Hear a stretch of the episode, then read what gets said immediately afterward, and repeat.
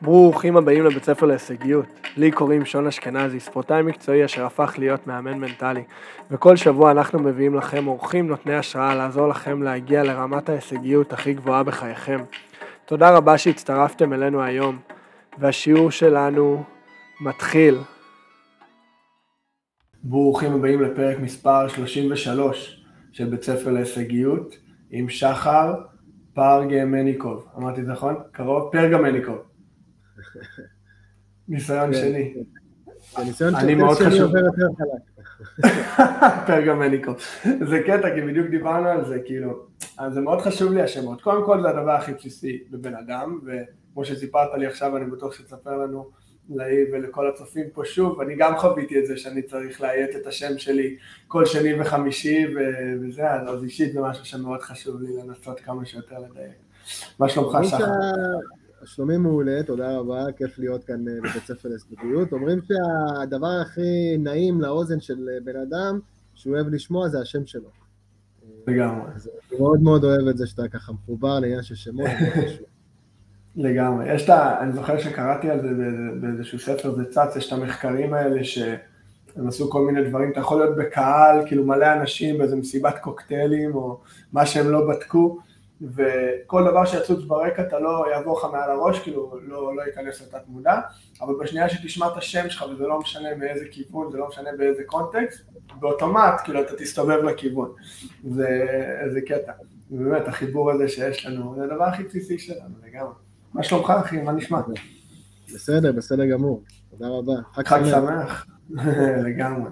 כן, קודם כל, אה, גם, זה, זה מגניב כל פעם מחדש, כאילו, המון מהאורחים, חלק יש לי היכרות אישית איתם, חלק הם חברים שלי בכדורסל, יצא לפגוש אותם באורך הקריירה, וחלק כמונו, אנחנו נפגשים ככה כמה דקות לפני, מדברים קצת בטלפון לבנות את הפרק, וההיכרות שלנו היא גם דרך הפרק, אז אה, כן, אני אשמח לשמוע גם בשביל עצמי וגם בשביל כל הצופים שמקשיבים לנו עכשיו, שיצטרפו אלינו בעתיד, אה, מי זה שחר. אז אני, קודם כל, אה, שחר, שחר פרגמניקוב, הצגה עצמית. אני יזם, אני מומחה מכירות, אה, למעלה מ-17 שנות ניסיון אה, בכל תחומי המכירה. אני מאמין בסופו של דבר ב- לעשות את הדברים פשוטים. המון אנשים אה, לוקחים את הדברים בצורה יותר מדי כבדה, יותר מדי קשה. יצרתי לעצמי שיטה בעצם בתחום המכירות, ביססתי אותה בכל ענפי המכירה ובכל הוורטיקלים השונים, בין אם זה B2B, B2C, D2C גם, אה, עולמות שנגעתי בהם, אפיליאציה, email marketing, אה, שיווק אה, למעשה של RTM, שזה מומחיות שלי, real time marketing, זה לדעת לזהות טרנדים למעשה שרצים, ועל זה בעצם לבנות תהליכי מוניטיזציה. אה, בשנה וחצי האחרונות יצרתי למעשה עם אשתי עסק, עסק שלה, שהיא ב front, שמבוסס למעשה על הסיפור חיים שלנו, שנקרא המכון להחזרת האקס.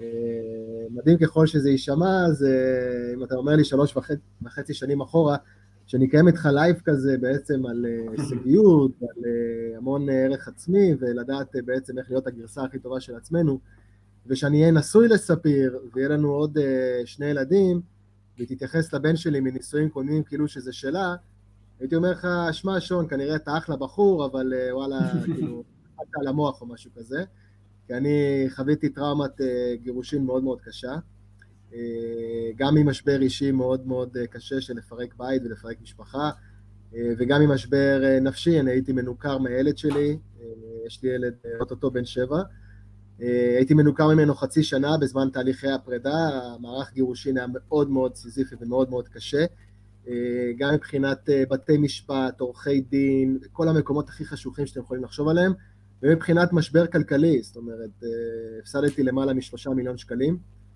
אה, בגירושין שלי, אה, דבר שבעצם השאיר אותי חסר כל, ולבנות את עצמי מחדש בגיל אה, 37, אחרי שש שנים של מאבק גירושין מאוד מאוד מאוד קשה וסיזיפי. אבל זה בדיוק זה, זה בדיוק הדבר הזה שאנחנו הולכים לדבר כאן, זה לדעת איך לק- לקום ממשבר, שמשבר יכול להיות משבר בהמון המון מובנים. יכול להיות משבר אה, בתחום אה, האישי, אוקיי, עוברים אה, פרידה לצורך העניין. פרידה מזוהה כמו הליך של גמילה, וככה למעשה, אתה יודע, אתה מוצא את עצמך פתאום לבד מבן אדם שהיה הכי קרוב אליך.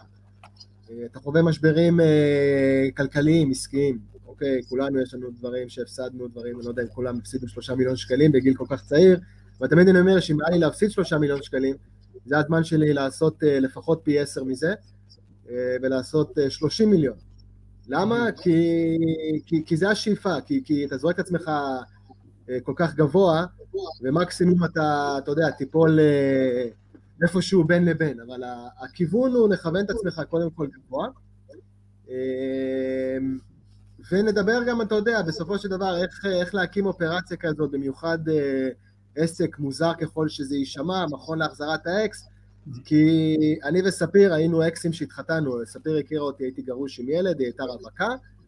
אה, נפרדנו רק חמש פעמים עד שזה קרה, שזה, שזה הזוי אה, גם ככל שזה יישמע.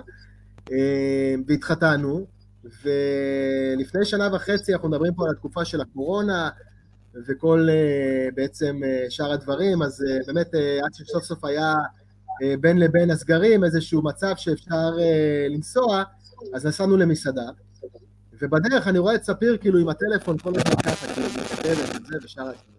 עכשיו זה, אתה יודע, נסיעה של איזה 20 דקות, היא לא איתי, היא עם הטלפון. אני אומר לה כאילו, אה, אתה יודע, כזה, what the fuck, מה, מה, מה, עם מי את מתכתבת שם, מה קרה כאילו, מה, מה, מה הולך פה? אז היא אומרת לי, אל תשאל, איזה חברה שלה והבן זוג נפרדו. אז אתה יודע, אז הבנתי, היא מתכתבת עם חברה. אמרתי, אוקיי, ומה היא רוצה ממך? מה כל ההתכתבויות האלה וכל שאר הדברים? אבל בשנייה ששאלתי את זה, אחרי מיה עלה לי לראש, כאילו היא מתכתבת איתך כי את אה, נפרדת אה, מה, מה, מהאקס, לצורך העניין אני, וחזרנו ונפרדנו, ועד שהתחתנו, אלוהים ישמור, האקס, הנכה רגשית, זה שבחיים לא האמין שהוא יתחתן שוב, וכל שאר הדברים האלה, אז היא אומרת לי, כן, אז אני אומר לה, אוקיי, מעניין, וכמה, וכמה אנשים את מתכתבת איתם ככה? אה, אז היא הראתה לי את הטלפון, קיבלתי חום. קודם כל, שתדעו, בכל תהליך של אה, פרידה, ברגע שאתה אה, גבר מקבל הודעה, ההודעה הזאת מנוסחת על ידי לפחות 7-8 חברות. הן משפצרות, הן עושות, הן עושות כל מיני דברים. אה, ככה שלמעשה תמיד ההודעה יוצאת בצורה הכי חדה שיש. ואז ראיתי שספיר היא לא רק מדברת איתה, אלא במקביל מדברת עם עוד כמה. ספיר יצאתי עם הזה אתמול, הוא לא חוזר אליי, הוא לא מדבר איתי, ואז אתה יודע, האקס, המכון להחזרת האקס, זה עסק אה, שביעי שאני בעצם אה, עזרתי לו ככה בהקמה, אני מאוד מאוד אוהב את תחום היזמות, מאוד אוהב את התחום, אתה יודע, באמת, במקום לדבר על זה, פשוט לעשות את זה, זה גם משהו שהוא א' ב' אצלי, אני תמיד... ככה ב-walk the talk מה שנקרא, אני, לפני שאני מדבר על משהו, לפני שאני ככה, זה, אני בעצם רוצה לראות אם יש לזה התכנות. אז באותו רגע, אתה יודע, המוח היזמי שלי העלה איזה, איזה גלינג, כזה ככה לראש, ו... ובעצם אמרתי כאילו, וואלה, אם חברות האלה מדברות איתה, כמה אנשים כאילו יש שם בחוץ שעוברים הליך כזה והם רוצים לדבר והם רוצים בעצם, אתה יודע, לזרוק ולעשות את זה. אז אני זוכר כאילו, אוקיי, הייתי רעב, אמרתי לה, אוקיי, בואי נלך למסעדה, בואי נאכל. ואז כל הדרך הביתה, כאילו... איך? סדר עדיפויות, אני אומר, יש לי זמן לעסקים. ברור, אי אפשר לדבר איתי שאני רעב, כאילו, זה לא... אין מצב, כאילו, זה לא, לא שם, כאילו, קודם כל אוכל, ואחרי זה, זה אוקיי, בסדר, הבנתי. ואז בדרך הביתה אמרתי לעצמי, כאילו, וואו, כאילו, היה פה עשרים דקות שהשקיע על זה, והיה פה באמת, כאילו, אה, אתה יודע, כאילו, היא באמת באה, כאילו, עם המון המון ערך והמון המון עזרה, ויהיה מעניין, כאילו, לראות אם יש איזה שכפול, ובאמת אני זוכר שנכנסתי לאיזשהו הליך של למידה עצמית, שבעצם ראיתי, וואו, הכל, ראיתי כל מה שקשור לרומנטיקה, כל מה שקשור לאהבה, כל מה שקשור לבני, בנות זוג, למה זה קורה, למה אנחנו רוצים, למה אנחנו מתגעגעים, למה האקס, למה, אתה יודע, כל מיני דברים כאלה, ראיתי חתונה ממבט ראשון וסרטים אה, קיצ'ים כמו He's Not That Into You, ודיקפריו שהוא בעצם אה, שחקן אדיר בזאב מוול סטריט, ראיתי אותו בסצנה הזו של הטיטניק, של אה, I'm the king of the world, באמת... אתה יודע, ככה באמת אה, סצנה שהיא כאילו, היא גם משנה חיים, אתה פתאום מתחיל להבין שיש דבר כזה שבעצם נקרא רומנטיקה, שבעצם נקרא, אה, אתה יודע, אהבה, שיש בעצם, אוקיי, זה לא, רק משהו קיצ'י או משהו, אלא באמת תכלס, כאילו, שזה קורה. ואז אני זוכר, הקמנו דף במיידי אחרי שבוע בפייסבוק, באינסטגרם, שנקרא למעשה המכון להחזרת האקס. חטפנו המון המון ריקושטים. מי צריך את האקס, למה צריך כן. אותו, זה, עדיף זה, אני מתה, אתם גנובים, העולם משתגע, תראו מה הקורונה עשתה. אבל נגענו פה בנקודה מאוד מאוד רגישה, כי א', באמת ספיר היא ה-walk the talk, היא האקסיט שהתחתנה עם האקס ובעצם יצרה כאן איזשהו מצב שזה אפשרי. לימים שבעצם פיתחתי את כל הנושא של היחסי ציבור של ספיר, והבאתי אותה ל-34 כתבות, שגם זה עלה לי בדם, זה לא כזה תהליך פשוט, זה המון לדבר עם הכתבים, תחקירנים, בעצם לחשוף את הסיפור. אז גילינו תוך כדי שהיא לא היחידה, שבעצם היא, היא, היא נגעה בנקודה שאצל אחרים היא אולי תהיה רגישה, אבל יש המון רבים וטובים שהתחתנו עם האקס, אה, ובמיוחד אנשים שהם גם מפורסמים, כמו אה, אילנית לוי, שספיר הופיע בגלית ואילנית, אה, התוכנית בשישי בצהריים, אז בעצם אילנית לוי אומרת, אני לא כל כך בעד לחזור לאקס, האקס היחידי שהתחתנתי איתו זה בעלי. היחידי. היחידי, כאילו זה בדיוק זה. וירדן הראל לימים התגרשה, אבל היא עם האקס. הם היו עשרים שנה ביחד. והדבר שהכי ככה באמת מינף את כל הסיפור ואת כל העשייה ואת כל העסק ואת כל שאר הדברים שאנחנו ככה באמת נעבור ונדבר, זה כל הנושא של אה, החזרה של ג'ניפר לופז לבן אפליק. שזה mm-hmm. בדיוק המומחיות שלי, ה-RTM הזה, הידיעה הזאת שהנה אקסים, היו 20 שנה... מה זה ה-RTM? תחדד לנו רק. real time marketing, זה mm-hmm. בעצם לשווק בזמן אמת, אוקיי, אה, היה לי בדיוק לייב על זה לפני שבוע, בנושא של תיווך מקרקעין, אה, אני הייתי בעברי מתווך שחצה את הקווים, הגעתי לעולם של ההייטק לפני עשר שנים. Mm. אה, ובאתי באמת לתקשורת עם, אה, תראו, הנה, ג'ניפר לופז ובן אפליק חזרו אחרי עשרים שנה. כולם מדברים על זה, גם בעבודה שלי, ביום יום הדייטיים ג'וב שלי. ראיתי, זה מה שאני עושה, אני עוקב אחרי טרנדים שרצים, ובעצם הולך לאותם אתרים של ה-evergreen content, שזה אתרי כן. רכילות, צהוב, יותר כזה, זה, אתה יודע, people, vox, כל מיני אתרים כאלה. שמאוד ידועים בחו"ל, וזה מה שראיתי, זה היה, אתה יודע, החשיפה הראשונה של זה, ובעצם אה, אמרתי להם, הנה, תראו, זה אפשרי. ואם אנחנו נדבר על זה, נוכל אה, לבוא למצב שאנחנו ניתן ערך לאנשים, לא רק בצורה של אה, תראו, ספיר וזה, באמת, האם זה אפשרי? כי המון אנשים העלו תהיות בנושא, כאילו, איפה אנחנו בכל זה? איפה הערך שלנו? איפה אנחנו נמצאים? מה אנחנו כאילו צריכים לעשות? כדי שבסופו של דבר נוכל לחזור לחיים שלנו אחרי פרידה. ואיך mm-hmm. בעצם, אה, לימים, ספיר גם בא במקום שהוא מאוד מאוד אה, אותנטי ואמר את הדבר הבא, לא תמיד צריך לחזור לאקס. לפעמים גם טוב שזה קרה. אנחנו נקראים המכון להחזרת האקס, כדי שתבוא לדבר איתנו אם זה נכון. Mm-hmm. ובהתחלה אנשים היו פונים, היו חושבים שזה איזשהו כישוף, איזשהו, אתה יודע, מנטרה כזאת, אה, מצב כזה שהוא... אה, תחזירו לי את האקס, תחזירו לי את האקס, אני לא יכולה להיות, אני רוצה את זה כאן ועכשיו, אני כאילו... ואתה יודע, וספיר הייתה אומרת בצורה הכי פשוטה, הוא לא נכון לך. כן. אה, זה היה אפילו במצב, אני זוכר, מואמנת, שסבלה מאלימות כלכלית, של יצא עם איזה מישהו מאוד מאוד עשיר, ששיכן אותה במגדל יוקרה כזה, אה, ואמר לה, כאילו, הנה, אני נותן לך רכב, משלם לך ללימודים, כסף אני מעביר לך. הוא בעצם הפך אותה לבובת, אה, אתה יודע, בובת ברבי שלו, שהיא לא הסכימה אותו, כביכול אה, סירבה פקודה, בסדר, המושג הצבאי הזה נקרא לזה, אז הוא היה מגיע, קורא לה, גוזר את הכרטיס אשראי שלה, מעיף לה בגדים מהחלום, דברים הזויים. שהייתה תלויה בו. ממש. אני זוכר כאילו שהיא נרשמה לשירות, אז היא אמרה, מה אני אעשה? כאילו, מה אני אעשה? אני אחזור להורים? כאילו, הייתה חיה בצפון, ופה הוא שיכן אותה באיזה מגדל יוקר אחד. ספיר אומרת לה, כן, כן, אני זוכר את הצרחות מהחדר.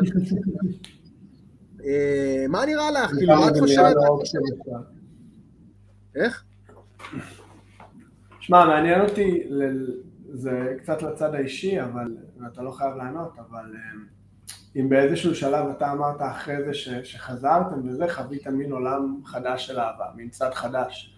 אם דרך הגירושים שלך וכל התהליך המכוער הזה, אם באיזשהו מקום, כי אני חושב שהמון אנשים חווים את זה, אתה יודע, זה יכול להיות פרידת נעורים וזה יכול להיות גירושים עם ילדים בגיל 40 פלוס, אבל אם באיזשהו מקום בתהליך הזה כאילו איבדת אמון ברומנטיקה, ואז זה חזר אה. לך לאחר מכן עם כל, עם ספיר וכל התהליך הזה. כן, אה, ספיר מדברת על זה המון שאני הייתי צריך אה, לעבור תהליך בעיקר עם עצמי, כי זה בדיוק מה mm-hmm. שהיא העבירה למאומנים שלה, שפשוט ראתה אותי, איך אני, אתה יודע, ככה משתנה עם הזמן, מתהפך עם הזמן, וכן, הגיע פה ילדים. Mm-hmm. יש לנו שני ילדים אה, משותפים ועוד ילד שלי מנישואים קודמים שספרים מתייחס אליו כאילו שזה שלה. ואני רוצה mm-hmm. ככה שתבין שכל העסק, המכון וכל שאר הדברים היה בזמן שהיה קורונה, היינו בסגר. כן. הילד אה, שלי חצי מהזמן אצלנו, יש לנו ילדה קטנה, אמה רק נולדה, הייתה בת איזה ארבעה חודשים. ושתבין כאילו איך זה התנהל. יש טלפונים, יש שיחות, יש הודעות, יש, אתה יודע, וובינר, קח את הילדה, לך לפה. תלך, ספיר, תלך לשם, איפה המוצאת שלה? אני צריך להחליף לה, איתן, לך להתקלח, איתן, אה, לך תאכל, כל מיני דברים כאלה, כאילו, יש פה גם, אה, אני לא יודע אם היינו מסוגלים לעשות את זה היום, שיש לנו, אה, אתה יודע, את ה-2 under 2, ועוד, כאילו, אנחנו שלושה ילדים, אם היינו מסוגלים לעשות את זה היום, אבל כשהעסק קם, אני רוצה שתבינו את המידה של העוצמה של הרגישות, של איך שזה קרה, אז אני חושב לגבי השאלה שלך, שזה זה, זאת אומרת, הרומנטיקה, נקרא לזה החדשה, קמה בעקבות, ה... בעקבות ההצלחה האישית שלנו לבוא ולהתגבר על כל כך הרבה קשיים, במקביל גם להביא ילדים לעולם, ואני חושב שהורות היא חלק ממצב של זוגיות, כן? לא להפוך להיות אה, בסופו של דבר איזשהו אה, שותף לדרך, כאילו בואו נגדל את הילדים, ומקסימום הזוגיות זה. אנחנו המון אה, משתדלים גם באיזה חצי שעה פנייה שיש לנו, הנה אתמול סיימנו את העונה הראשונה של מניפסט, לראות אחד עם השני, להיות אחד עם השני ביחד, גם אם יש לנו איזה חצי שעה ככה בין לבין לתמרן, אז זה גם נושא שהוא מאוד מאוד חשוב, זה לשמר את הזוגיות, לשמר את ה... למה אנחנו פה בכלל. זה לא תמיד... איך? הזמן ביחד הזה. זה, תראה, זה לא רק זמן ביחד, זה גם לבוא ואתה יודע, ולהגיד, מה איתך, מה שלומך, מיכל. גם אחרי כל היום הסיזיפי, הקושי, כל ה... אתה יודע, האנרגיה, וברוך השם יש לי גרושה, אתה יודע, לא פשוטה. היא אימא של הילד שלי, אבל היא עושה, היא עושה לי את המוות. אה, ועדיין, אתה יודע, נמצאת בכל הזדמנות ומזכירה כאילו את העצם היותה קיימת, נקרא לזה.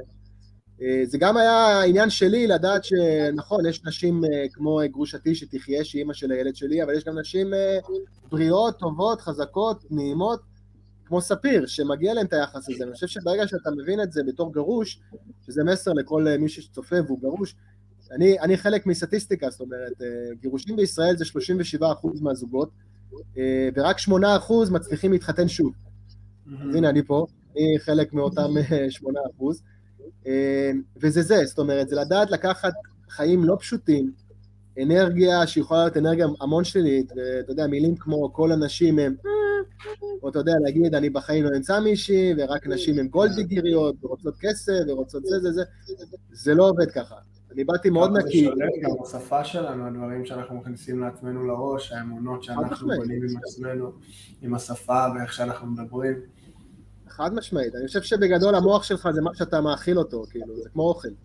תאכל כל יום ג'אנק וסבל, זה, אתה יודע, המאסה שלך והשומן תעלה, ואם אה, תאכל אה, בריא ותשמור על עצמך, אז זה בדיוק מה שאתה מכניס למוח, זה מה. זה, אני בעד גם המון של אה, מילים, מילים יוצרות מציאות, זאת אומרת, אני לא ידעתי אם אני אתחתן שוב, זה כן, אני הייתי אומר לך, נפלת על המוח, כאילו בוא, אני חוויתי כזאת טראומה גדולה, שאין מצב שאתה, אפילו הצלחתי לחשוב על זה, שתבין, נפרדנו חמש פעמים שנה, אבל בזכות הסיפור המדהים שלנו בעצם, ספיר היא, אתה יודע, לקחתי, לקחתי את ספיר, כמוטיב, כעצמה נשית, כמשהו שמשדר המון המון, אה, אתה יודע, vibe אה, חיובי וכוח, מה שנקרא, להתפרץ. והפכתי אותה לאוטוריטה, זאת אומרת, ספיר הביאה את היכולות שלה, של האימון, וכל מה שקשור לזה, ואני הבאתי את היכולות שלי, של ה-PR וה marketing וכל שאר הדברים האלה. שזה למעשה, אתה יודע, תשלובת של, אה, כמו כל דבר בחיים, זה לדעת איך לבחור את הפרטנר הנכון לעשייה. לגמרי. אה, זה משהו שקפץ לי מקודם, סקרן, אני חושב שיש דברים שהם מאוד אה, עובדתיים, כמו אם הוא נועל אותך בדירת פנטהאוס וחותך לך כרטיסי אשראי, כנראה הוא לא הבחור בשבילך. אבל אולי דברים שהם פחות כזה קופצים לשטח, מעניין אותי איך, איזה דברים היא הייתה שמה לב למשל, להגדיר שזה הבן אדם הלא מתאים. אתה מבין, לפעמים אנחנו כל כך מחפשים את מה כן מתאים לנו וכל כך מחדדים את זה, שאנחנו שוכחים להגיד גם מה אנחנו לא רוצים בחיים שלנו, וזה לא פחות חשוב. אז זה מסקרן אותי מה היה התהליך שם ללקוחות האלה שבאמת באו עם מטרה מסוימת ועל הדרך הבינו שוואלה, אין לי מה להשקיע פה זמן ואנרגיה כי זה פשוט לא בשבילי. מדהים, שאלה, שאלה באמת מעולה. אמ, מה שקרה בעצם בתהליך זה שהם באו כל כך אה, במקום שהערך העצמי, העצמי שלהם היה כל כך נמוך, שהם אמרו, אני לא מעניין אותי כלום, אני רוצה אותו, אני מדבר בכוונה בהתחלה על נשים, כי אנחנו כיוונו את זה לקהל נשי, לימים זה גם גברים הגיעו. אה, אז שלא יחשבו שזה רק נשים, זה גם גברים, אבל בכוונה זה בהתחלה היה לנשים, כי ספיר היא בפרונט, וככה יותר קל להתחבר לסיפור. אז אני זוכר מאומנות שהגיעו ואמרו, אני רוצה רק אותו, ואני רוצה רק אותו בחיים שלי, ולא מעניין אותי כלום, ואני רוצה רק להיות איתו, ותחזירי לי אותו, והכל וזה. אז ספיר בהתחלה אמרה, זה לא כסף. היא צריכה להבין, אה, זה, זה לא איזה פרי טל כזה, אתה יודע, שעושים ככה, כאילו, אה, זה, והוא חוזר. בסופו של דבר היא להחזיר את עצמך אלייך. וסביר לדבר על זה כל הזמן, ולהרים סטנדרטים. כשאנחנו מרימים את הסטנדרטים, אנחנו בעצם מבינים, לרגע פתאום הכל מתבהר. כשאנחנו נמצאים במקום נמוך והסטנדרטים שלנו נמוכים, אז אנחנו בעצם מתחננים, נידיים, אה, הופכים להיות מאוד מאוד אה, תלותיים ומאוד מאוד, אתה יודע, במצב של משבר. ואנחנו לא יכולים, גם אם אני רוצים, לא יכולים לעזור לעצמנו שאנחנו במצב הזה. זה כמו שאחרי שתרוץ מרתון, לצורך העניין, זה באותו מצב אה, רגשי נקרא לזה, ואחרי זה לך תרוץ עוד איזה 20 קילומטר. לך לחדר כושר, כאילו. כן, לך לחדר כושר. תעשה דדליפט או משהו, כאילו אתה גמור, הגוף צריך לנוח. אז זה בדיוק זה, זה בדיוק השלב של לבוא, לפרוק, להוציא, ספיר תמיד הייתה אומרת, בואי, תפרקי, תוציאי, תעשי זה, זה, זה, זה. עכשיו, כשאת במצב, כאילו, אתה יודע, שיש איזשהו break even, בסדר? כאילו נקרא לזה, אני קורא לזה תמיד, אני משווה את זה, אני אדבר המון בשפה פשוטה, את בים המלח, אוקיי? מקום מאוד מאוד נמוך, הכי נמוך בעולם, אין יותר לאן נמוך מזה, כאילו 420 מטר מתחת לאדמה. עולה, עולה, עולה, עולה, מגיעה לברייק איבן, אוקיי? קו המים. אוקיי? מישור החוף, מה שנקרא. זה מבחינה רגשית, כאילו, אתה מתכוון, אתה עושה אנלוגיה כאילו למצב הרגשי שלנו, מבחינת להגיע למקום הכי נמוך ולאט לאט לאזן? אני המון עושה אנלוגיות לכל דבר, והמון מטאפורות, אני בכללי, אני חי בעולם מטאפורי, בזכות החיים שלי הלא פשוטים, אני היום נמצא בדיסני. אני בן אדם חולם, אני לא... זה, אני אומר, כאילו, הייתי בכאלה מקומות נמוכים, שלאן כבר היה לי כבר לרדת? מה יכול להיות יותר גרוע מזה, כאילו? משברים אישיים, נפשיים, כלכליים, אז אני המון מפשט לעצמי ואומר כזה דבר. גם אני walk the talk, גם אני יצאתי ממקום שהוא לא פשוט, גם אני הייתי במקומות מאוד מאוד נמוכים. אז אני צריך להגיע למצב מאוד מאוד uh, מישורי נקרא לזה, כדי לעלות למעלה. אז ברגע שהיא נמצאת, אוקיי, אותה מואמנת או מאומן, לימים גם בעתיד מאומנים, אתה יכול לעשות איתו פלאים. הוא בעצם עובר תהליך, לא בזה שאתה תדבר, תגיד, תצא, תצא, תצא, תצא. קודם כל יש עניין של זמן, ויש עניין של אנרגיה, ויש עניין אפילו, אתה יודע, פתאום אה, לצאת החוצה, אם אנחנו מדברים על המישור האישי, הזוגי, אה, להכיר אה, אחרים, להכיר, להיות חברים, בסביבה, תמיד ספיר הייתה אומרת, לכו, אוקיי, תצאו, חברים, להתאמן, בא, לא יודע מה, לכו לעבודה, תעלו קומה, לא יודע מה, תחליפו נוף, תעשו כל מיני שינויים. Mm. זמן גם עושה, זמן גם הוא תשובה לכל דבר, זה גם מרפא מן הסתם. ו... ובמיוחד במקום כזה שאתה בברייק איבן, מפה רק אפשר לעלות. ואני זוכר כאילו סיפורים של, אה, גם כאילו, של מואמנות, משתפות וכל שאר הדברים האלה, כאילו, איפה הייתי ואיפה אני כאן היום? באתי, כולי רציתי להתחנן, לחזור, להביא מצב של... Mm. רק תחזירי לי אותו, אני רק רוצה להיות איתו, לא מעניין אותי כלום. ופתאום, אה, אתה יודע, עובר הזמן, כאילו... אני, אני כאילו הייתי שם? לא. הייתי, הייתי, לא, לא, לא, אתה יודע. אנשים לא מאמינים, כאילו, כמה הם עשו. לא מאמינים, כן, לא מאמינים, כאילו, ברמה של...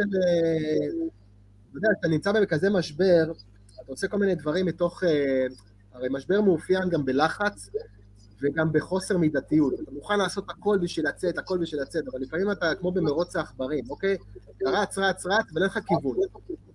אתה עושה גם פעולות שהן לא נכונות. אני זוכר, בסופו של דבר, העסק הוא, אתה יודע, הוא גם סיפור חיים, אבל הוא גם אה, מעבר לזה, הוא תשלובת של כוחות שלי, של ה marketing ושל אה, אימון של ספיר, וגם על הדרך, אתה יודע, בעצם לבנות פה איזה סוג של, אה, נקרא לזה, לא חלום, אבל כן, להכניס אנשים לאיזשהו סוג של, מה זה אימון?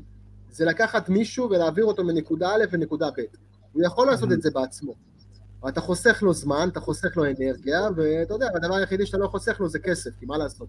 אם הוא ישקיע בזה את הזמן ואת האנרגיה, אוקיי, הוא לא ישלם לך עבור האקסטרה מאמץ הזה, הוא, הוא עלול להפסיד לא רק אה, זה, אה, כסף זה פונקציה של ערך, אם לא תיתן לו בסופו של דבר ערך נכון, הוא גם יפסיד יותר מזה מהכסף, הוא יפסיד את הזמן, את האנרגיה ואת השנים. היו מגיעות אה, נשים שלפעמים, אה, אתה יודע, ראיתי את זה באיזשהו פוסט לא מזמן, אה, השיא שלנו היה שמונה שנים. שמונה שנים היא לא הצליחה לצאת מה... זה נקרא המעגל הזדוני, אוקיי? היא לא מצליחה לצאת מזה, אוקיי? כל הזמן... המעגל מה? המעגל הזדוני. יש, אה, אני וספיר בוגרים של פורום של אנמרק. אה, גם אני. פורום של אנמרק, פורום של כן, התפתחות. מגניב. כן, אה, המעגל הזדוני. המעגל הזדוני- באנגלית, מעניין, איך קוראים לזה בעברית? אה, המעגל הזדוני, אה, בוא נקרא לזה מבחינת מעגל, אה, כאילו, נקרא לזה באנגלית, vicious circle או משהו כזה, לא יודע, כאילו, אולי ככה אוקיי, נכון, מזכיר לי משהו, כן, מגניב, נו. אז רק נסביר על אה, פורום של התפתחות אישית, אחד הבוגרים הכי מפורסמים שלו זה טוני רובינס, היה מרכז כזה פה בישראל, נסגר, אני הייתי המחזור האחרון שעבר את הפורום, בזום אמנם, אבל אה, זהו, זאת אומרת, אה, מיכל, אה, עשית את זה בארץ או בחו"ל, את לנדמרק? עשיתי גם וגם, עשיתי בעיקר בחו"ל, את כל הקורסים, את ה-advanced course וזה עשיתי בחו"ל, זה ממש שינה לי את החיים, ועשיתי את זה שוב פעם בארץ, פחות התחברתי. אה, מיכל, המרצה כאילו של... אה, לא יודע מה הסיבה, אני לא, לא מחפש אה, סיבות האשמים, אבל אני יודע ש... לא, לא, לא שאלתי למה לא זה, שאלתי המרצה מיכל? כן, אה, כן, אוקיי. זכור לי שכן, זה היה בפרונטלי, זה היה לפני הקורונה, ממש שהגעתי לארץ, כמה שנים אחרי שחזרתי לארץ. ו... אבל כן, משהו, לא יודע, משהו כזה לא התחבר לי בארץ, אולי עם השפה, אולי עם, ה... עם זה, אבל בקנדה זה ממש שינה לי את החיים. בקנדה אני שחררתי מדברים שאני סחבתי. היא העבירה, היא העבירה את זה. באנגלית והיה שם מישהו שתרגם, או שזה היה בעברית כבר? אני לא זוכר בדיוק, יכול להיות, אבל בקנדה אני שחררתי מדברים בפורום שהחזקתי כל החיים, ובקורס המתקדם באמת יצרתי את החלום שלי, שזה היה לשחק כדורסל, שזה חלום שוויתרתי עליו. ויש שם תהליך מאוד מאוד אה, יפה, כן, בקורסים האלה. אז ה-vicious circle, כן, כאילו מעניין איך אתם מחברים את זה. אז אני אומר, בסופו של דבר במעגל הזדוני הזה, שזה בעצם אה, האנרגיה שלך ומה היא משדרת, אתה יודע, זה נדבר קצת אה, לנדמרקית, החיים קורים כאן ועכשיו. וזה משהו שאנחנו המון נכנסנו בתכנים, אה, לדעת בסופו של דבר איך לשחרר את הבעיות האלה שצפות, כי מי שבסופו של דבר מציף את הבעיה זה לא הבעיה, זה אתה מציף את הבעיה. ויש שתבין שאתה הוא הגורם בסופו של דבר למצב שבו אתה נמצא, זה גם איזשהו סוג של לקיחת אחריות. אה, וברגע שאתה מבין ואתה עושה את כל התשלובות האלה, אז למעשה אתה יכול לבוא במקום שגם אה, לעזור לעצמך, וגם להבין שאם אתה תפסיק עם אותו מעגל זדוני, אתה תוכל לצאת, להכיר, לראות, אוקיי, לדעת, אוקיי, אה, ובעצם להיות במקום שבו תוכל אה, גם לגעת, מה שנקרא, בנקודות של איפה שזה תופס אותך, ולעומת מה אתה רוצה שיהיה.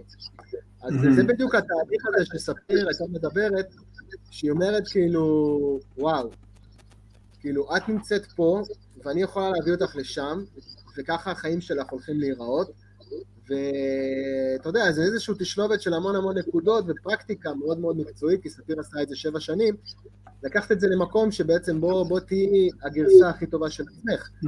כי זה בדיוק המקום הזה שבו אתה יכול גם לעזור לאחרים. זה בדיוק המקום הזה ש... זאת אומרת, אה, אני מאמין שאם אתה נותן אה, ערך לאחרים, זה גם הסיבה שאני מקיים אה, כל שבוע, אה, יש לי סדרת סרטונים קצרים כזאת שנקראת הבלוף, כמו בפוקר, הבלוף, בסופו של דבר כל הדברים שאנחנו שומעים, מדברים, מספרים לנו, חווינו אותם, זה איזשהו סוג של בלוף. או מישהו שאנחנו רוצה שאנחנו נקנה, נרכוש, לאו דווקא בכסף, אלא בסופו של דבר איזושהי מתודת חיים. למשרד החינוך עד גיל 50 כדוקטור. יש לי שני תארים, עוד תואר, עוד התמחות, דוקטורט. זהו. זה, זה, תבין, זה כישרון כביכול, למרות שלא נכשלתי, אבל זה איזשהו סוג משהו שלי שחוויתי אותו המון שנים, שבצבא לראשונה אה, הייתי מפרק ומרכיב את הנשק הכי מהר במחלקה, פתאום סוף סוף אמרו, וואו, הוא עושה משהו טוב. עד אז מערכת החינוך, כאילו, לא, אתה יודע, לא נתנה לי שום דבר, הייתי, הייתי כזה C, C מיינוס, C פלאס, כזה, אתה יודע, תמיד בינוני איפשהו, זה, סיימתי את הבגרויות, והנה, עשיתי שני תארים, ואיזה 70 קורסים מקצועיים של התפתחות אישית, אני חושב שלמדתי יותר מאשר המורים שלי שכל היום לימדו בבית ספר, וזה, וזה חלק, נקרא לזה ה sweet revenge שלי, אבל שוב, זה לא revenge כי, כי מערכת החינוך, אתה יודע, מי זה שחר? היא לא, היא לא מעניינת אבל אותי זה מעניין. זה בדיוק ה pulse הזה, הדחף, הרי זה מה שמביא אותי, אני בשמונה שנים, שבע שנים האחרונות חוקר תחום שנקרא כלכלת תשוקה. passion economy. ש... מה זה, אוקיי, כלכלת תשוקה, יש אנשים שחושבים שזה תשוקה, חדר מיטות, אתה יודע, בעברית זה קצת, אה, נשמע קצת הזוי, אז לא. תשוקה זה כל דבר שיש לנו בחיים. המכון להחזרת האקס קם בעקבות תשוקה, זה שילוב כוחות שלי, של איש marketing ו sales, אה, של שיווק ומכירות, וספיר כמאמנת, אוקיי? זה בדיוק זה, זה התשוקה. ספיר רוצה לאמן, אני רוצה לעשות אה, מוניטיזציה. אוקיי? Mm-hmm. מהשורש של אמונות, מהשורש, אתה יודע, לעשות ביזנס מהדבר הזה. שזה בסדר וזה לגיטימי, אני לא מתבייש בזה, שאני רוצה להרוויח לי לחמי ולעשות לביתי. יש לי סיפור, ואני יכול לעזור לאנשים, ואני יכול להוציא אנשים מדאון, ואני יכול להוציא אנשים ממשברים, ואני לא משווק את זה, אוי ואבוי לי.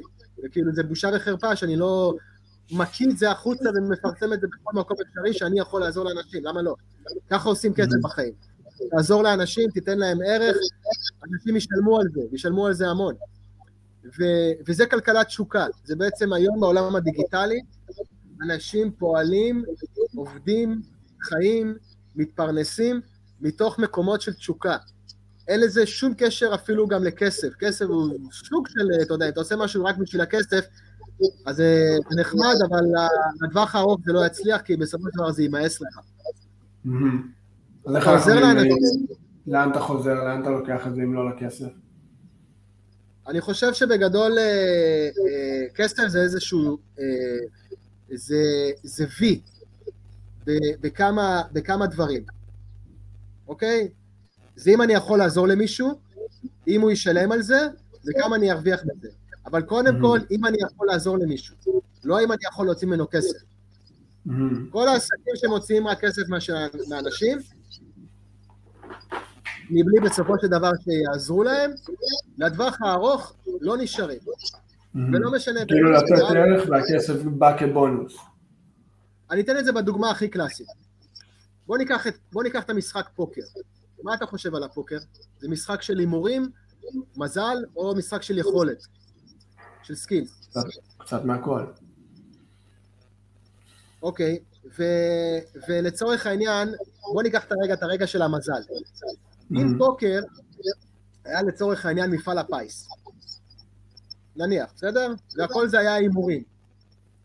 איך כל שנה יש אה, אנשים שבסופו של דבר זה, זה הפרנסה שלהם, זה המקצוע שלהם, מצליחים להגיע לרמות הכי גבוהות. כאילו זה לא רק מזל, זה הנקודה. זה לא רק תלוי מזל. כן. וככה זה גם בחיים. לא רק כל דבר תלוי מזל, אתה יודע, מה שנקרא, אין לו, אין לו מזל בעסקים. כן. יש מישהו שנולד עם מזל בעסקים? יש מישהו שדבר כזה? יש מישהו שיש איזה איש עסקים שלא חווה איזשהו משבר? הרי זה זה. יש איזשהו, אתה יודע, אנשים שגדלו אה, בלי כפית של זהב, כמו רמי לוי, כמו יצחק תשובה, והפכו להיות מיליארדרים. הרי זה זה. שאנחנו עושים, זה לא כל כך מה שקרה בסביבה שלנו, זה יותר איך אנחנו הגבנו לדברים שקרו לנו בסביבה שלנו. אם אנחנו בוחרים לקחת איזו סיטואציה שקרתה לנו בחיים, ולבנות את האמונה שאני איש עסקים גרוע, אנחנו נמשיך לקבל ראיות והוכחות לזה שאני איש עסקים גרוע. זה ליצור את המזל שלנו באיזשהו מקום, ולא לתת לנסיבות ולדברים לשלוט על איך החיים שלנו נראים, אבל לקחת את זה בידיים וליצור את החיים שלנו. חד משמעית. 99 אחוז זה איך אתה מגיב לסיטואציה, ואחוז זה מה שבאמת הסיטואציה.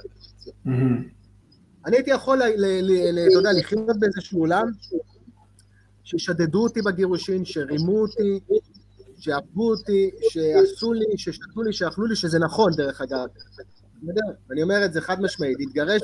זה, זה הכל קרה וזה הכל זה, אבל כמו שאתה אומר, זה כאילו, זה לא רלוונטי, זה, זה, זה העובדות שקרו, אם עכשיו אני אתעסק בזה ואתן לזה את הכוח, אז איזה, עם איזה אנרגיה אני אמור ליצור משהו חדש.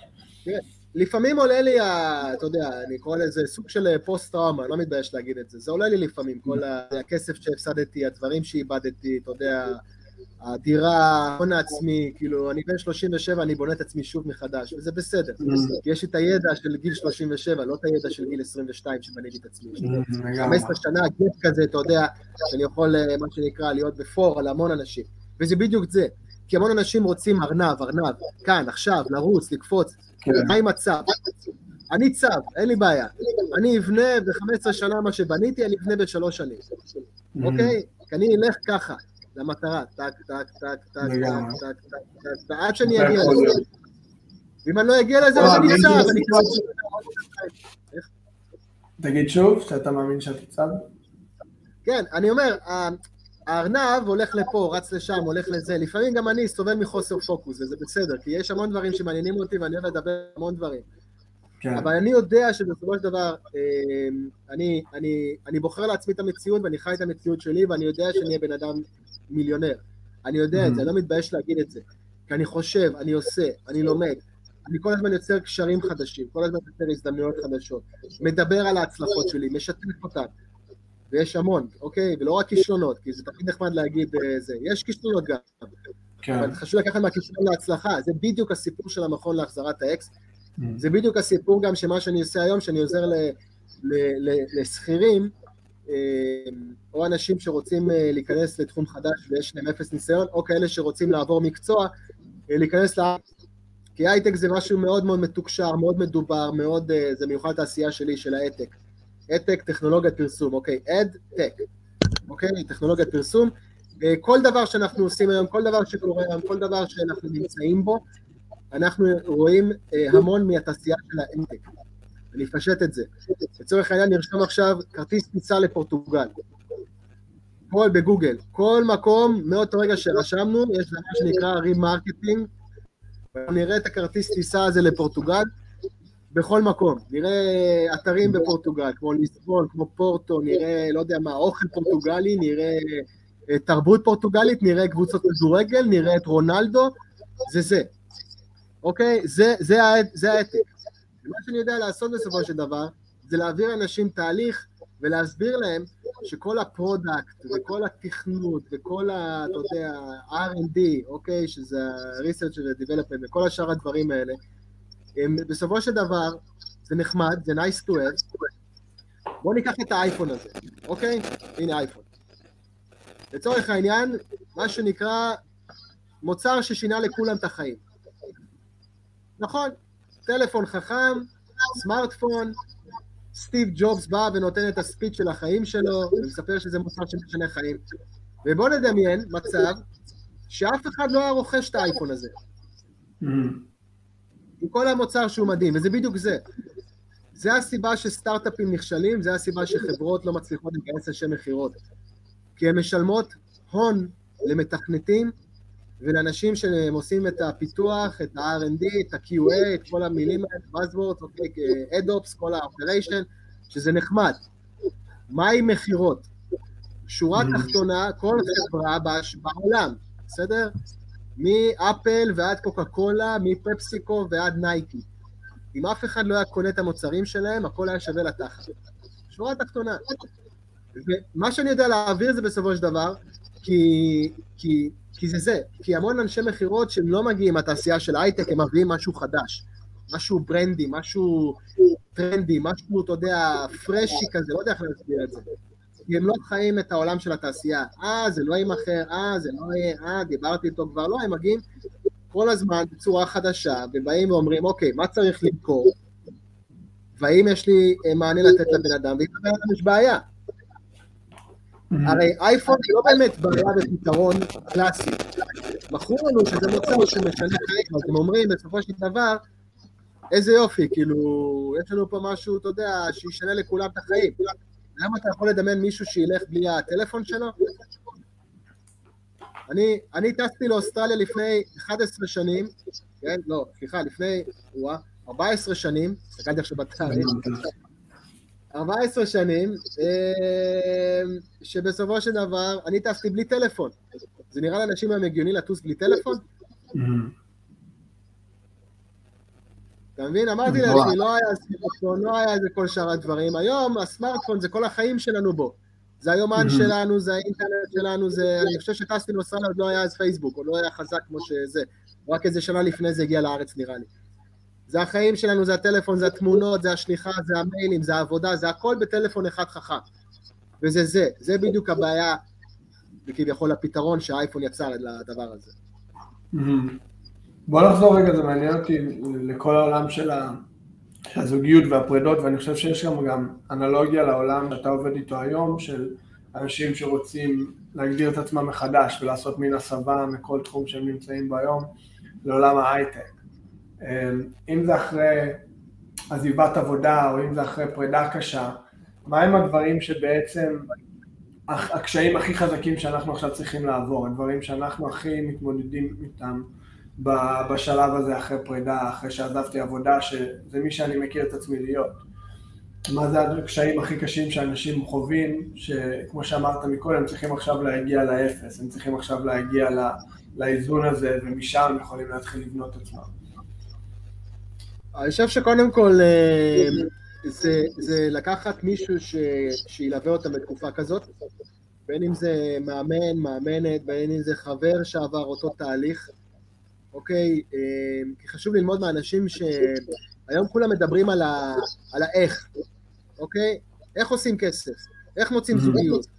איך, אה, איך אני מצליח להתקבל למקום עבודה? איך אני, לא יודע מה, יוצר שאיפות ודברים וזה.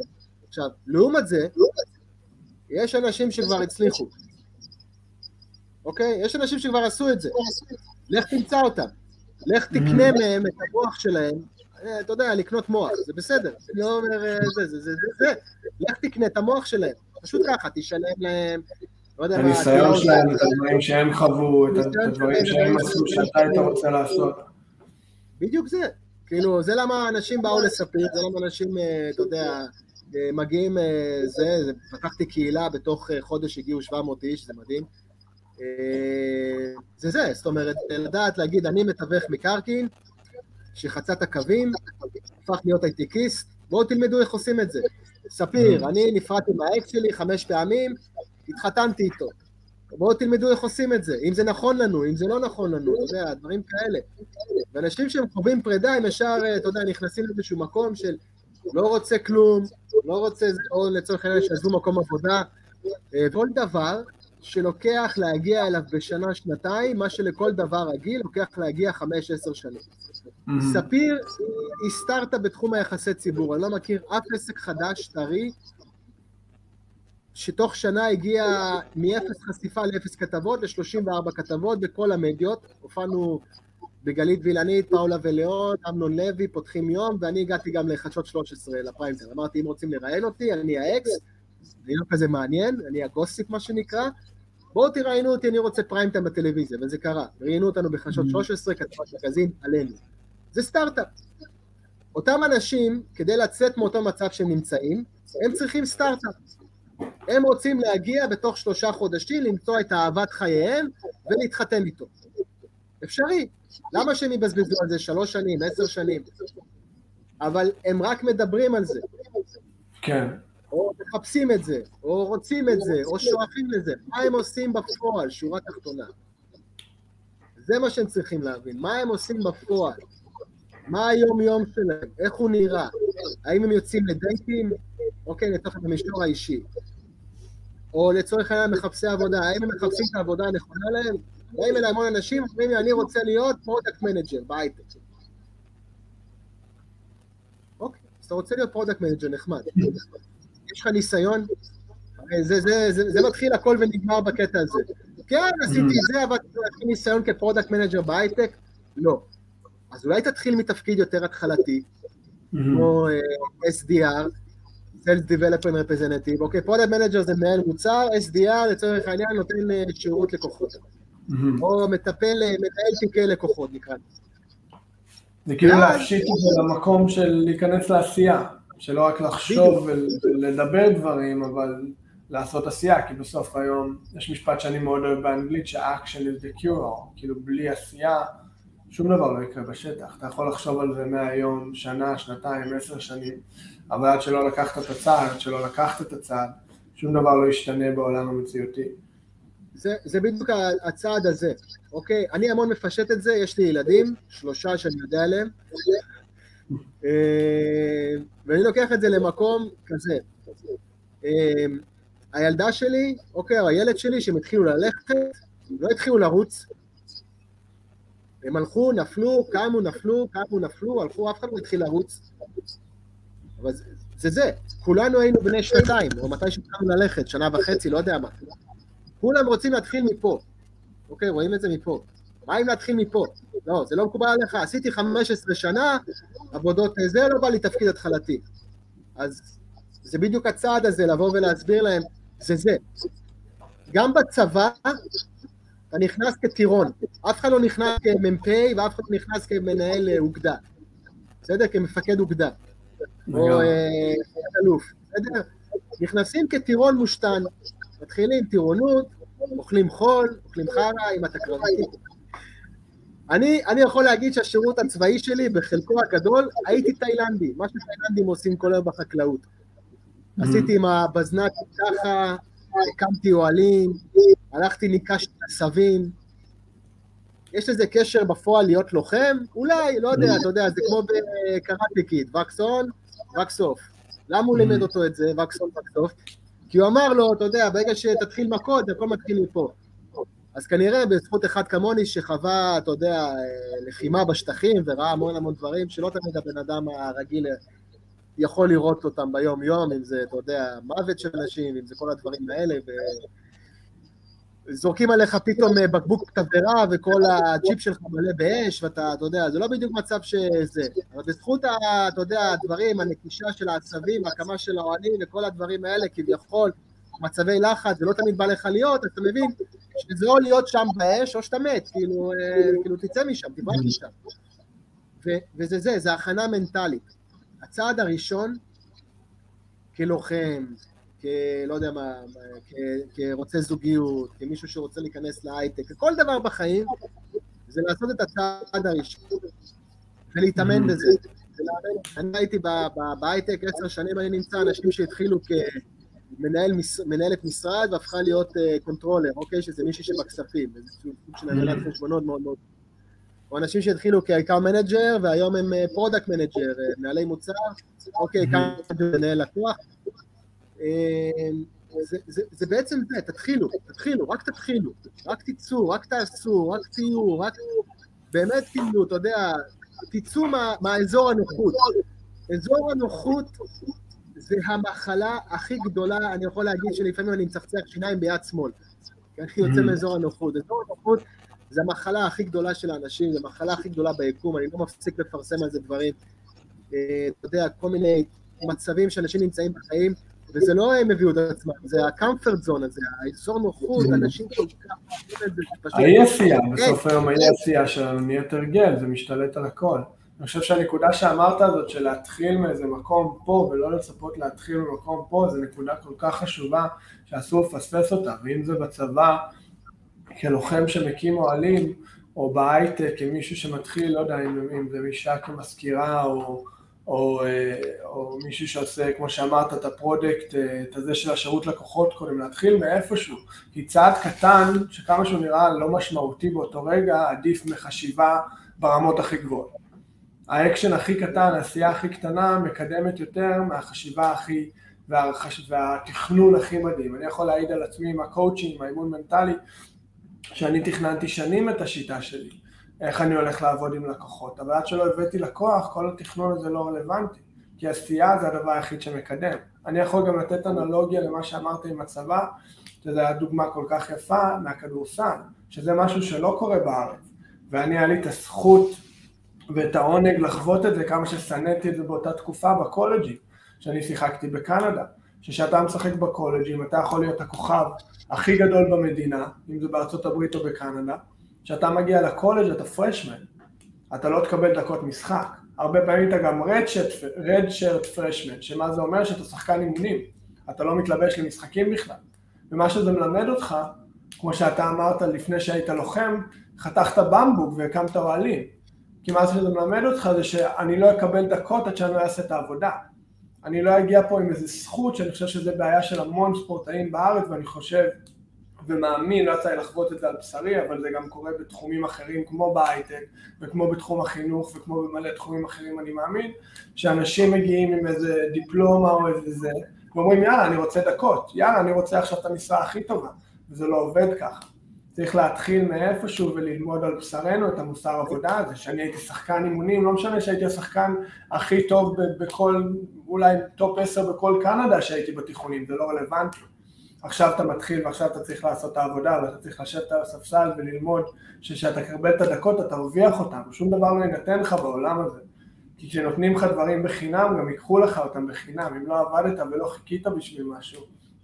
זה אף פעם לא יחזיק, כמו שאמרת על העסקים האלה שעובדים נטו בשביל הרווחיות שלהם.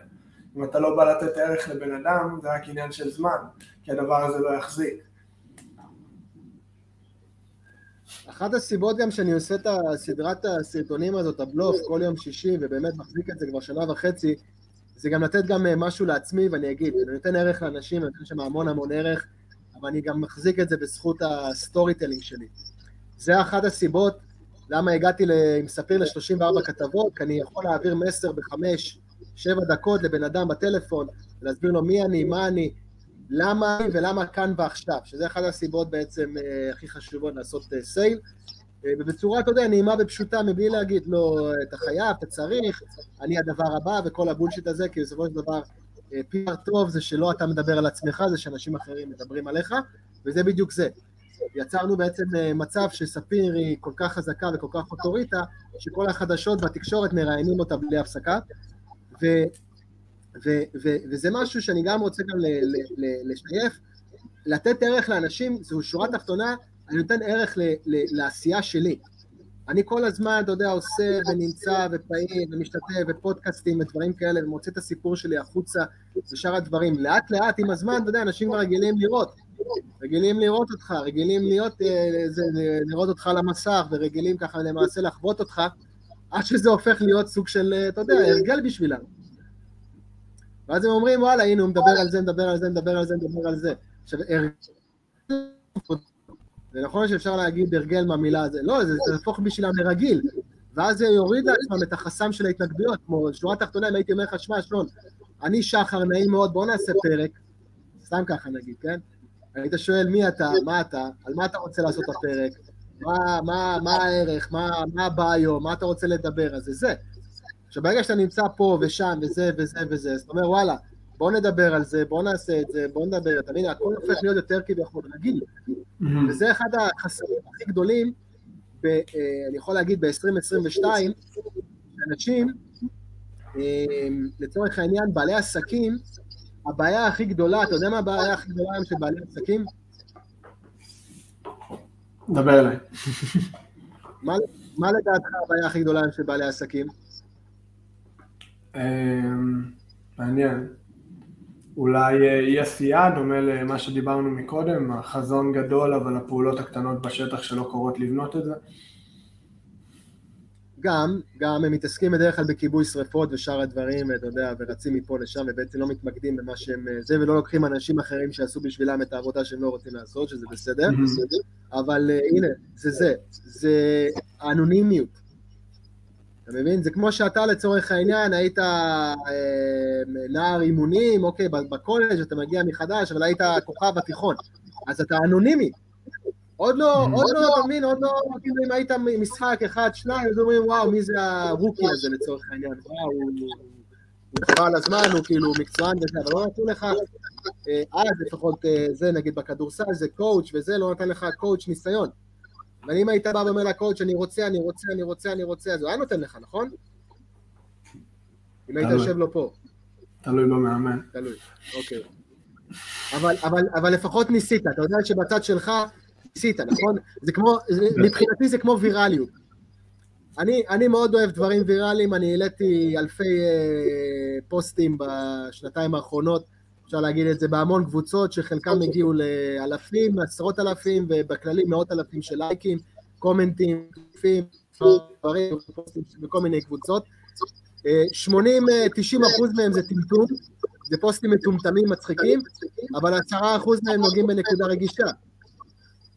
למשל, הוצאנו פוסט אה, בפסח, שימו לב, הנה, פסח עכשיו. כל סיפור פסח ויציאת מצרים הגיע, שימו לב, מלחזור לאקס. יוכבד חזרה לעמרם, אוקיי? אה, מרים, הבת שלה שכנעה אותה, בזכות זה שהיא חזרה לעמרם, משה ואהרון הגיעו לעולם. אם היא לא הייתה חוזרת לאקס, לא היה יציאת מצרים.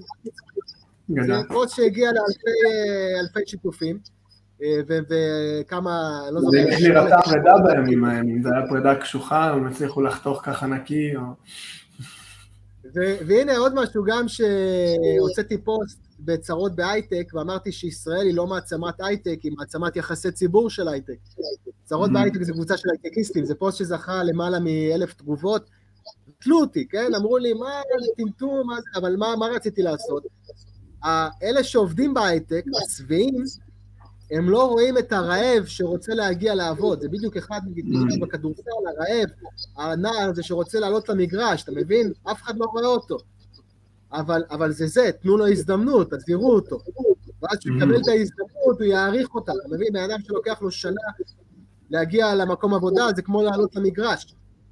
זה כמו אה, למצוא חתן, נכון? עד שימצא חתן, עד שהוא מוצא כלה, את הנשמה הוא ייתן לה, כי הנה, עשר שנים אה, זה. ודרך אגב, אני, גיליתי את זה עם הזמן, שאחת הסיבות הכי גדולות לגירושין, זה שאנשים רק רוצים להתחתן.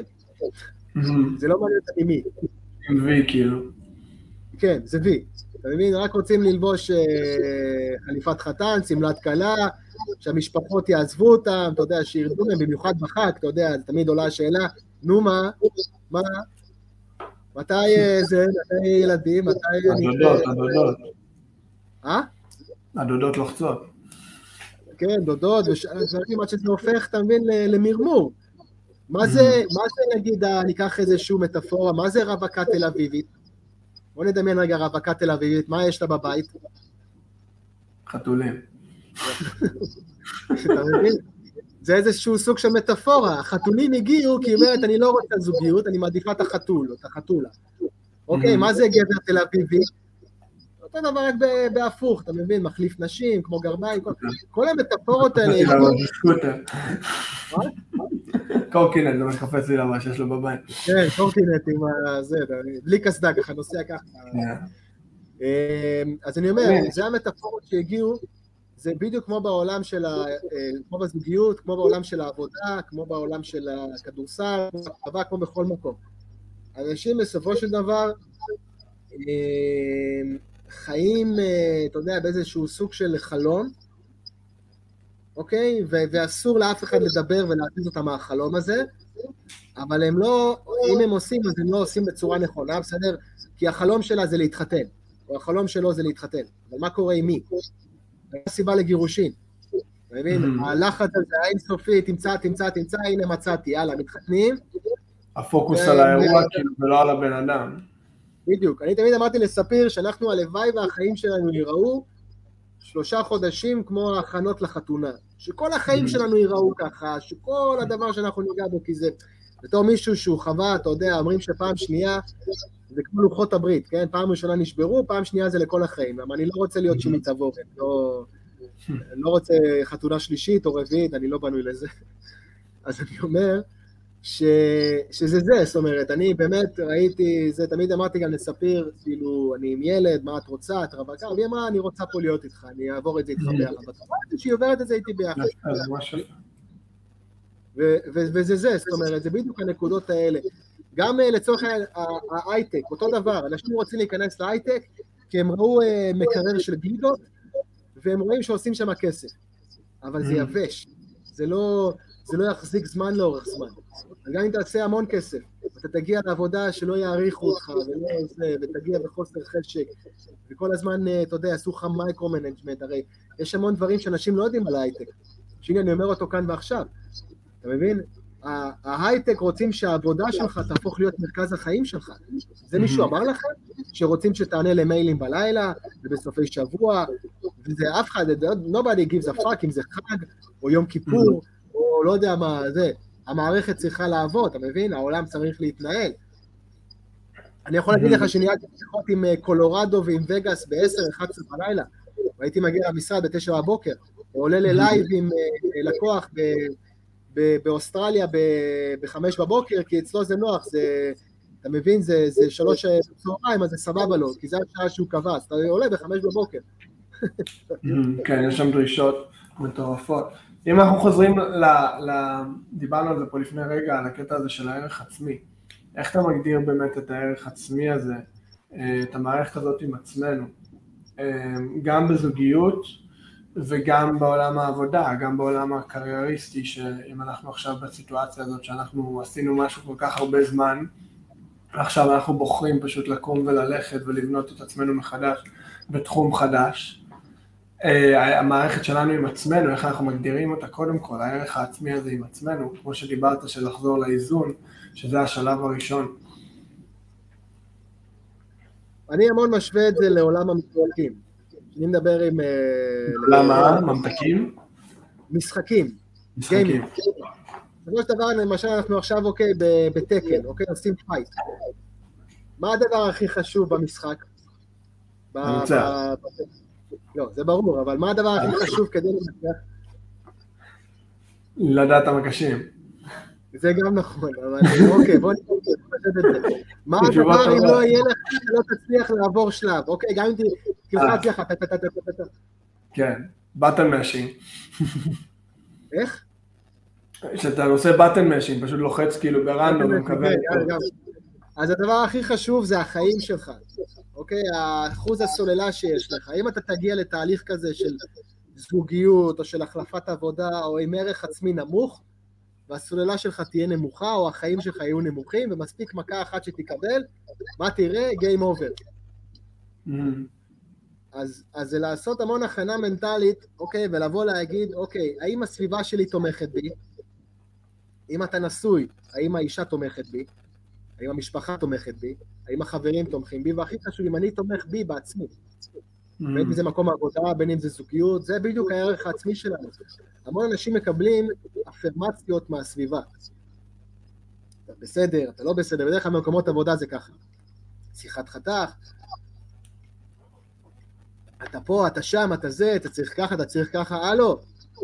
וול דיסני נזרק מהמקום עבודה שלו, מייקל ג'ורדן נזרק מהנבחרת כדורסל שלו בתיכון, אופרה וויפרי לא הייתה צריכה, לא, לא יכלה לעבור אה, מסך, אמרו לה שהיא לא מתאימה לעבור מסך. אוקיי, אה, הנה, אה, סטיב ג'ובס נזרק מאפל, ביל גייטס לא הצליח לפתח את מייקרוסופט, שיקרא איזה מישהו ב-IBM וחיבר אותה אליהם. האנשים הכי מוצלחים בהיסטוריה חוו משברים וכישלונות. המטרה היא בסופו של דבר היא להגיע לאיזון עם עצמך, להגיד לעצמך, אני פה במקום העבודה, זה כובע. אני בזוגיות, זה כובע. אני בחיים, אה, לא יודע, זה כובע. מה אני העצמי הפנימית שלי אה, מרגיש, ואיך אני לוקח את זה למקום של אה, גרסה הכי טובה, לא רק לדבר על זה, להיות בזה. אם אני mm. בא רוצה ללמד על מישהו PR, איך עושים יחסי ציבור, אני לא בא ואגיד לו, שמע, אתה צריך ככה, אתה צריך זה.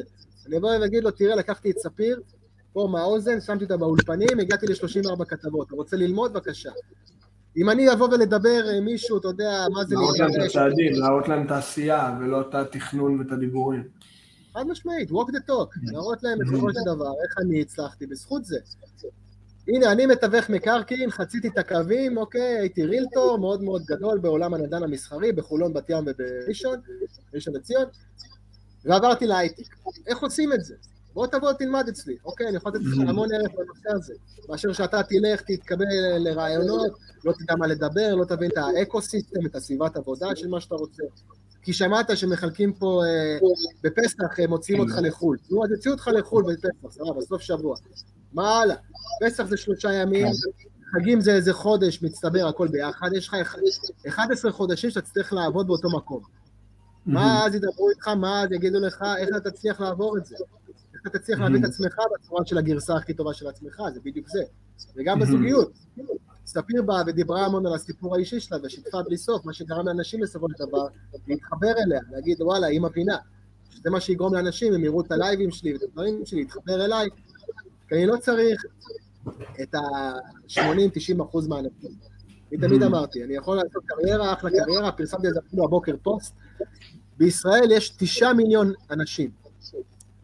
מספיק ש-0.001 אחוז יאהבו אותך ויקנו ממך כל דבר, ויגידו, וואו, זה הערך הכי מושלם שאני מקבל מבן אדם, אם יכולים לשלם על זה כסף, אתה תהיה מיליונר. זה בדוק. גם כל הקטע זה שאין לזה נוסחת קסם, זה לבוא ולעשות את העבודה, זה לבוא ולהיכנס לעשייה. כל הזמן להיות בעשייה, ברור, אבל לא רק בעשייה, זה בעשייה נכונה. גם עשייה שהיא לא נכונה. אם אני למשל, אני לא בחור טכני. אני רק רוצה שלא יהיה רעש. כן, אני איתך. אני, אני למשל, אני לא בחור טכני. זה אף פעם לא היה הצד החזק שלי. יש המון אנשים שהולכים ומשפרים את החולשות שלהם. אף פעם לא הייתי טוב בזה, ואני רוצה היום להצטיין בזה. למה שלא תשפר את החוזקות שלך?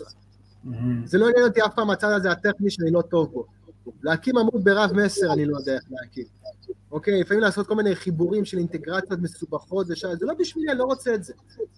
קחו את זה ממני. מה אני טוב? אני דור אופנר, אני יודע בסופו של דבר לעשות פרזנטציה, אני מביא את הגודס, את הכסף, אני יודע איך למכור לבן אדם, אוקיי, שאיפה, רעיונות. אתה מודע לחוזקות שלך, קודם כל, ואז אתה יכול לחדד אותם. כן, אתה מודע לחוזקות שלך, קודם כל, ואתה יכול לחדד אותם. מאוד מודע לחוזקות שלי, ואני, כל מה שמעניין אותי ביום-יום זה רק עוד יותר לחזק, ועוד יותר להציג את החוזקות שלי, כי החולשות שלי הם החוזקות שלי, מה אני לעזאזל בגיל 37 יתחיל עכשיו, לא יודע מה, להיות, אה, ללמוד תכנות, זה מעניין אותי? זה, אני שואף לזה, אתה יודע, ואמרו לי... המודעות שלנו, זה כאילו האוטומט שלנו, המוח שלנו ישר הולך למה אנחנו צריכים לשפר כל הזמן, איפה עשינו טעות, איפה אנחנו יכולים לשפר טוב, וזה לשבור את האוטומט הזה ולהתמקד בחוזקות ובדברים שאנחנו רק בחוזקות, הנה, שורה תחתונה, אתה יודע, אתה בא, אומרים לי, זה למה לא פתחת משרד יחסי ציבור? הגעת ל-34 כתבות עם עסק חדש, נכון? הרי הדבר הכי טוב, הכי שווה, תפתח משרד יחסי ציבור, ואתה יודע, לך זה, אמרתי, זה לא מעניין אותי. לגמרי, להישאר אמיתי. זה לא מעניין אותי, אני לא עושה את זה. לגמרי, זה כל כך חשוב, זה כאילו הלמה שלנו, להישאר אמיתיים לעצמנו. יש שני דברים שאני תמיד, שאנחנו תמיד כזה לפני סיום, אה, מכוונים לשם, באמת היה תענוג. אה, השאלה הראשונה זה איך אתה מגדיר הצלחה, איך אתה מגדיר הישגיות מבחינתך. בסופו של דבר, אני ידוע כמישהו שיש לו סבלנות ואורך רוח. אני ניהלתי משא ומתן עם מגזין כדי להכניס את ספיר אליו, אה, וזה חלק מהסיפורי ההצלחה. שמונה חודשים. כל הזמן באתי וניסיתי, אתה יודע, להעביר להם איזשהו סיפור, אמרתי, זה, אז הם אמרו, התראיינה פה, התראיינה שם, אה, אנחנו לא יכולים זה, אנחנו רוצים בלעדיות, רוצים ראשוניות, ולא הפסקתי. והגעתי לעורכת. אני לא יודע לקבל לא. חלק מה, מהדברים שלי, לא מבחינתי, זה לא כרגע, לא עכשיו, לא אולי עוד תקופה, בוא נדבר שוב, אתה יודע. וזה חלק מהדברים שלי שאני מודה להצלחה, זה, זה להתביית על משהו, ואם אתה יודע שאתה תצליח להעביר את המסר, וזה לא פוקס, אוקיי? הצלחה זה לא פוקס. Mm-hmm. זה משהו קונסיסטנטי, רפטטיבי, שאתה אמור לעשות אותו כל יום ויום. ואם לא הייתי מפסיק, מה שנקרא, את המשא ומתן הזה עם המגזין, ואז שספיר קיבלה אייטם שם, אני זוכר, קיבלתי את המגזין, עשיתי, זה ככה כאילו, כמו גול כזה. ואני מאוד משווה את זה לעולם שלי, של הכדורגל. אוקיי, אז אני אוהד הפועל. הפועל היא קבוצה כזאת של נאחס, בסדר? מנחוס של אוהד הפועל לפעמים וזה, אבל אני זוכר שהפועל הגיע למצב שהיא לקחה אליפויות, ושיחקה באירופה, ואתה יודע, ודאבל וגביע, אז כמו שאתה קופץ בגול, הגול הזה יכול להיות, הרי מה זה גול? זה יד, אוקיי, הנה גול, בסדר? היה באנגלית גול, יד. שער, מה שנקרא. כמו שאתה קופץ בשער ושאר הדברים, ככה תמדוד את ההישגיות וככה תמדוד את ההצלחה. תאמין במשהו, תראה את זה קורה, מספיק שזה קרה פעם אחת, פעם אחת, לא יודע מה, הצלחת למכור למישהו, נגיד אם זה איש מכירות, פעם אחת היית בזוגיות טובה, אם נגיד זוגיות, או בכל דבר, פעם אחת נגיד, הצלחת להעביר מישהו תהליך אם אתה מאמן, או כל דבר בחיים. תלמד מה עבד, כי מה לא עבד לא מעניין, אמרנו את זה, מה שלא מה, לא עובד, לא זה, פשוט תמשיך הלאה. Mm-hmm. אז אני מודד כמו כל דבר, יעד, אוקיי, הישגיות והצלחה בשלושה דברים.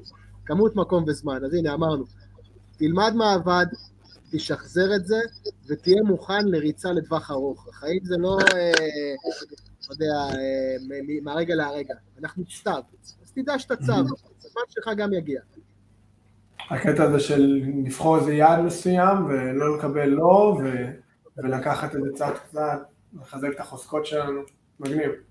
והשאלה האחרונה תמיד שאני אוהב לשאול זה אם היית יכול לתפוס את שחר ככה בתחילת דרכו, אה, בוא ניקח את זה אולי לעסק של. להחזיר את, האקס עם, עם ספיר, אה, או בתחילת העבודה שלך בעולם ההייטק, לא בוא ניקח את זה באמת לפן העסקי של, של התחילת דרך של שניכם אה, עם העסק הזה.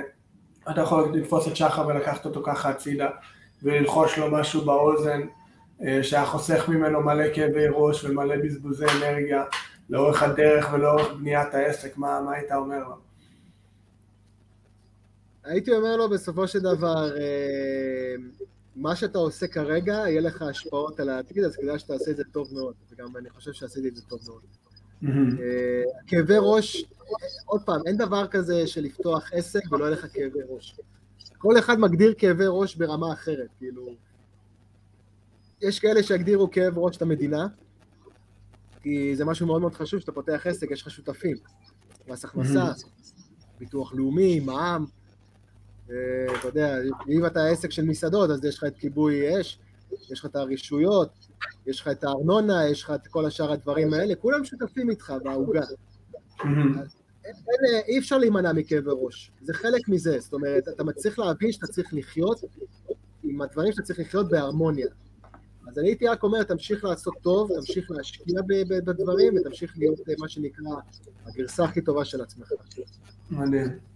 מגניב אחי, באמת נעים להכיר, באמת רוצה להוקיר אותך וגם ספיר, אם יצא לנו לפגוש אותה בעתיד ואולי נעשה משהו משותף ביחד על כל הטוב שאתם עושים לאנשים והלקוחות שאתם עובדים איתם. זה כיף לראות, זה כיף לראות דברים אה, אותנטיים כאלה בשטח וברשתות החברתיות שבאמת באים ממקום אה, אותנטי של נתינה. וזה כל כך חשוב, וכן, באמת, כל הכבוד. תודה רבה, שון, תודה רבה, כיף, כיף גדול. זה היה עוד פרק של בית ספר להישגיות. כיף שנשארתם איתנו עד סוף הפרק ומקווה שנהניתם מהשיחה שלנו. אם לקחתם משהו לחיים האישיים שלכם מהשיח הזה, אני מפציר בכם לשתף את הפרק הזה עם העוקבים שלכם או עם כל מי שהפרק הזה יכול לתרום לו או לה. תודה שהצטרפתם אלינו היום, שיהיה יום נהדר, נתראה בפרק הבא של בית ספר להישגיות.